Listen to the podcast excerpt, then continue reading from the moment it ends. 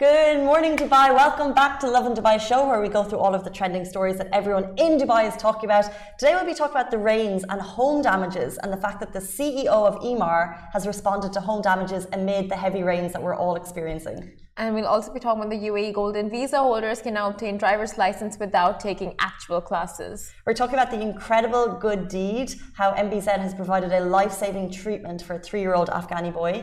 As well as UAE campers faced horrific weather conditions on New Year's Eve. But before we get into that, Happy New Year's, Casey. Thank you very much. And I think this, we have to say it's the second or third time we've said Happy New Year's today because we are in a new studio and we are experiencing technical difficulties. So if we cut out again, please bear with us. It's Look, we're only here for two weeks. We're trying our best. I mean, honestly, I think all of the buyers trying their best right now with so many changes. The weekend change, the work week change, 4.5 weeks, students, COVID. I think everyone is just thrown into a hurdle and people just have to wing their way. We're winging it. This is life. like the definition of winging because we're two weeks before we go to our brand new studios, which I cannot wait to show you guys. We're leveling up. Um, but in, in the interim period, we're in in five studio, which is amazing, by the way. This is probably like is, yeah. much more slick than we're ever used to. So we are um, catching up with the slick. And right now, I mean, honestly, I, I think the people watching us on Facebook, YouTube, Twitter, they can't can't really see the green screen. You can see really cool Dubai visuals behind us. Yeah. Question about green screens. Mm-hmm. Can we make that anything we want? Ali, can we? Mm. That's, a, that's that worries me. Why? Because we need to be so nice to the guys. Before we had incredible JLT behind us and it looked cool, but it was real. Now we're gonna have these fake views, and I just feel like, you know, they could, like, what if they put like loads of little Simran's heads behind me or something? Or so what's put, wrong with that? No, that would be really nice. What if they put Chai's face? you know Chai, who's yeah, our graphic designer, he's gonna be in there popping his face all over it. Why not? Honestly, why not? But um yeah, we can have a Hogwarts background. Oh, Speaking of which, have you seen the reunion? No. I need to though, don't I? It's it's okay. It's not worth the hype. It's really not. It just makes you even it makes you feel even worse um, quick summary and purpose of why they made the reunion? I think 20 years. It's been 20 years since the last movie came out, and it was a 20 year reunion. All of them were just like sharing a lot of anecdotes that they haven't ever sh- uh, shared with the public before, especially uh, Emma Watson and her love for. I've seen that everywhere, yeah. Yeah, that was a big one. That was a big takeaway from the reunion. Other than that, it wasn't much. I get it. It like feeds into the nostalgia. Like we grew up with these. Like for example, there's obviously the Friends reunion and the Harry Potter, something we all grew yeah. up with. We read religiously for so many years. So I like the idea that they do it. Speaking of birthdays, by the way, it's also happy birthday to the Burj Khalifa. Oh. 12 years old today, mm. looking stunning. By the way, 12 years young. We should have had. She's not aging. Khalifa. She is not, She's not aging. aging. She's looking fabulous. Oh, every year it just gets better and better. I really, I really do think she's like my favorite building. and she's also a female because she's a boss lady. Oh, love that. Uh, speaking of bosses, uh, let's move on to our top story today. We're talking about the rain, we're talking about home damages, and the fact that the CEO of Emaar has responded to home damages amid the heavy rain. Uh, so, firstly, we need to point out that this is not just an Emaar issue at all. In fact, most of the severe complaints about flooding that we've seen are coming from other housing communities. Uh, however, it's the CEO of Emaar who stood up and he has issued a response to tenants who are seeking help over their units. So he tweeted out yesterday, he said, Dear valued Emaar tenants, our community management team is working 24 7 to assist you. I'm personally overseeing their progress and we assure you all units will be covered. So this basically means with the leaks that are happening, a lot of villas are seeing uh, leaks into their homes. We have videos beside us on Facebook. Uh, you might have wet floors, you might have water coming through the roof. And what the CEO of Emaar is saying is he's, he's understanding that it's taking time, but he's going to ensure that your homes are covered, i.e., I assume, paid for. Taken care of, yeah. Taken care of which is sound. Uh, this follows yesterday's story where we reported homes and residential communities are struggling under the barrage of rain. Now, we shared the post on Instagram and the response was mixed. Many people, particularly in apartments, while some in villa communities are feeling the stress of three days of leaking and maintenance teams are struggling to meet the uh, demand to help the people. Now, one Instagram user said the unit is not waterproof and all the drainage is blocked. We don't know as uh, well as, I mean, it's going to rain heavily, thunderstorms. We're not prepared. Our unit is like a swimming pool as well. It's our welcoming 2022. And that's just horrible to hear that people had to welcome in their 2022 with so much just um, hassle. It's been in some cases like this is your home, and I think if you're not experiencing it, experiencing and it's sometimes hard to empathize. But people have no power for three days. I saw a photo of one. Um, uh, living room and they just had candles all over it for three days. And the issue is these maintenance teams are just really struggling under the volume of people that need help. Yeah. Um, and it's in communities in certain areas experience more rainfall than others. On New Year's Day, by the way, on yeah. the beginning of New Year's Day, we had as much rainfall as we would get in a year. It was a lot of rain, and it's still going on outside, partly due to cloud seeding, part yes. of it's natural. Um, there are tips to avoid flooding, uh, which I think is difficult to hear when already your house is flooded, right? I mean, honestly, yeah. I mean, you, but still, these tips will come in use down the down the down line, the drain. Down the drain. They will come loose. So uh, you can prepare your home in advance by getting quarterly maintenance checks uh, but also things at the moment like you mentioned sandbags. You can put towels at your door. Um, it's all we shared them on Lovin Dubai yesterday. But just seeing I think the comments coming from people are kind of the most heart-wrenching. Yeah. Uh, they're going let's say for example uh, unfortunately, I had a water leak from the ceiling over three nights in a row. I live in a nice estate. I'm paying a lot of money for my rent it's so frustrating. It has nothing to do with the area that you're in. It's just the house that she's in. Mm-hmm. Um, so yeah, a real frustrating thing. But that's why the CEO of Emaar saying that he's working on it, overseeing it personally, uh, to make sure that uh, the tenants know that they're valued. Yeah. Like you might, st- it might still be another day before you get it, but at least you know. All you want in these situations is a response, to be honest. Very true, very true. Like a assurance, a response of some kind, an ETA on what's happening. Yeah. Uh, but it's amazing for the Emaar CEO to even come out and assure the tenants of such. But it, it's not like you said. It's not just the Emaar community; it's other communities as well. And I think the worst people who stay in villas really experience the worst end of the stick the short end of the stick when it rains or when there's a thunderstorm, rainstorm in Dubai compared to residential apartments. But of course, some also in residential apartments face the very same. Mm. Um, well, more on that. Basically, the main issue is that people are waiting uh, for the maintenance teams to come, and they say it's going to take a day, and then the day uh, ends, and the complaint is cancelled, and no team comes. Yeah. And so now we're just hoping that the rain ends. I think we're done with it. We've had enough for 2022. Uh, maybe some a few drizzles. No, we're done with the rains. A few drizzles. You know, it hasn't actually rained since 2020. Yeah. So it's like a full year without rain, and then on 2022, hello. no. There are so many people who are traveling right now. They're like, one year full of no rain, and as soon as we travel, it downpours, and it's just like, what? But it, it Simran loves it. I don't. I like it. Yeah, it's nice. I mean, I'm cold I, thinking about it. Like I could hear the AC. Someone was like, "Is that rain?" And I was like, "Like I could hear the AC, and I'm chilly just thinking about it." I mean, yeah, you come from Ireland, case you get a lot of rain there. We've stayed here all our lives. That's why I'm here.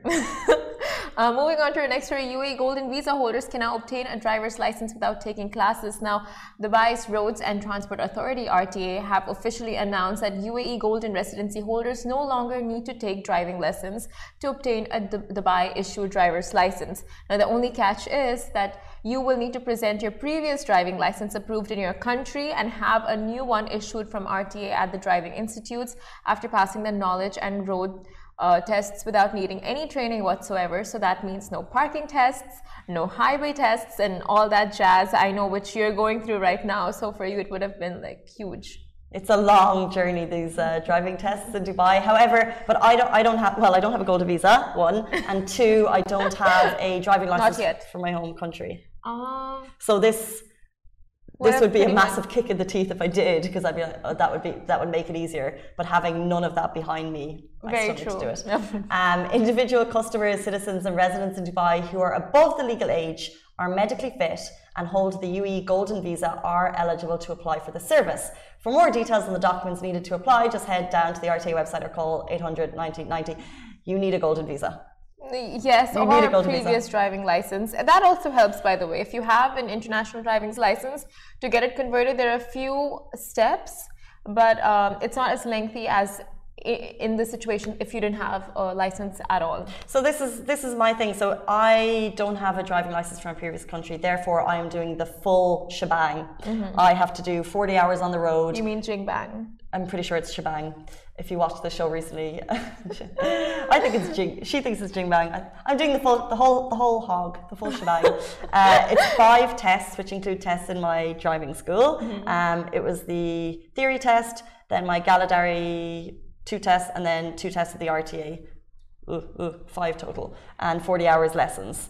But I think if you already have your in, if you already have a driving license in another country, that's already shortened considerably. Yes, I think a lot of the lessons are cut out. The theory, not the theory, just like the where you have the presentations. I think sometimes the they actually even check your driving skills, and then they'll need to confirm mm. that you are aboard and fine, and then they make a call depending on the school that you're in. But if you have further yeah. information on that, let us know. Right. Yes. Right, please. Uh, let's move on to our next story an incredible good deed. And we love seeing these stories from uh, rulers when they just step in and change lives. MBZ has provided a life saving treatment for a three year old Afghani boy. Uh, so, His Highness arranged the life saving cancer treatment of a three year old boy, Mohammed Amir Dawood, who is currently staying at Abu Dhabi's Emirates Humanitarian City, which, as we know, is the temporary home for thousands of refugees who fled Afghanistan after the Taliban took control. And he was in need of urgent care. So, thousands and thousands of Afghanis are now currently residing in Emirates Humanitarian City. And this three year old boy was in need of urgent care. Uh, so, what happened was a team visited Mohammed and his family to review his medical condition before he was transferred to the States, where he will now receive the best care. Now, massive praise to His Highness Sheikh Mohammed bin Zayed Al Nahyan, Crown Prince of Abu Dhabi and Deputy Supreme Commander of the UAE Armed Forces. This boy's family has uh, been through hardships we can't imagine. So, stepping in to sort this will really care and provide some relief, which we are so happy to hear. And it just, it, it's an amazing, such amazing example of good leadership. 100%. It always, they always just never, they never fail to impress. True, and if you see the um, the video shared beside us, so a whole team is kind of uh, not only did they visit Muhammad's family, but they also went and kind of spoke to a lot of people staying in the Emirates, uh, excuse me, Emirates Humanitarian City uh, to see how they're doing, um, to learn of their struggles, and also, and what uh, His Highness said was the UAE will spare no effort in fulfilling its humanitarian mission, making sure that uh, these people who've been through unknown struggles during their time in the UAE, which is temporary, that they will be well provided for, uh, which I just think is just amazing. Um, and it's amazing for that to come from the top. Very true. It's it just really sets the standards for leaders everywhere to follow, and not just that, but I mean. to see that okay the UAE has taken all these refugees under its wings and not just for the sake of it you know not just for like the media, but they're actually going ahead and if someone is in pain, someone is looking for some relief, and it was offered that that too, like right, like you said, right from the top. Yeah, and this family in particular uh, is going through kind of worse, uh, something yeah. horrible that we can't even imagine. And uh, for that relief to be taken off their shoulders, the burden of the price tag, basically, which is very heavy, uh, is amazing. Amazing news. And we'll move on to our next story. UAE campers faced horrifying weather conditions on New Year's Eve. Now, nothing sucks more than having your camping plan spoiled by horrendous weather conditions. And while uh, city dwellers were mesmerized by the UAE's generous downpour, this weekend campers felt otherwise. Now, as a result of air depression and cloud seeding, the country has been facing unstable weather conditions since December 31st of last year, um, 2021. And uh, with coastal as well as valleys and desert terrains experiencing the full force of the storm. So, residents who set out for a wholesome recreation getaway with their friends and family were bombarded with horrifying weather conditions on New Year's Eve. And the visuals right beside us on Facebook, Twitter, Inst uh, YouTube, Instagram, get on it, uh, will have you weak. Residents who set out to Abu Dhabi's Al Desert and Dolphin Island were left battered by torrential rains that night. Now, campers shared accounts of cars being swept away as a result of valley floods. Others had their tents destroyed due to violent winds, rain, and thunder, and some were stuck in their vehicles soaking wet from the pounding rainstorm. Now, I had a few friends who went camping, mm. and uh, they went they went all the way out to Fujairah, and they said so. There were three cars. Two of them were washed away in flash floods So the cars were completely wrecked. A lot of water got in, a lot of damages to the car. They managed to get a hold of the car eventually, but it was just wrecked. So that is so sad to know so many people rang in the New Year's with such, you know, bad rain stories, experiences. That is uh, horrifying. But can I tell you, uh, we shared this on Instagram yesterday, and people have not been kind to these people. I mean, yeah, we we gave the weather warning a week in advance. So this is the thing. So the the video that we showed on Instagram yesterday, like it's it's horrifying. The the guy is in his tent holding it up with his legs, right, yeah. and the camera's beside him, and then the tent is then it's leaking and, and all their stuff is wrecked. However, um, some people are saying, you know, terrifying situation, and then everyone else said. Um, we never have rain warnings. We mm. never um, uh, to this extent.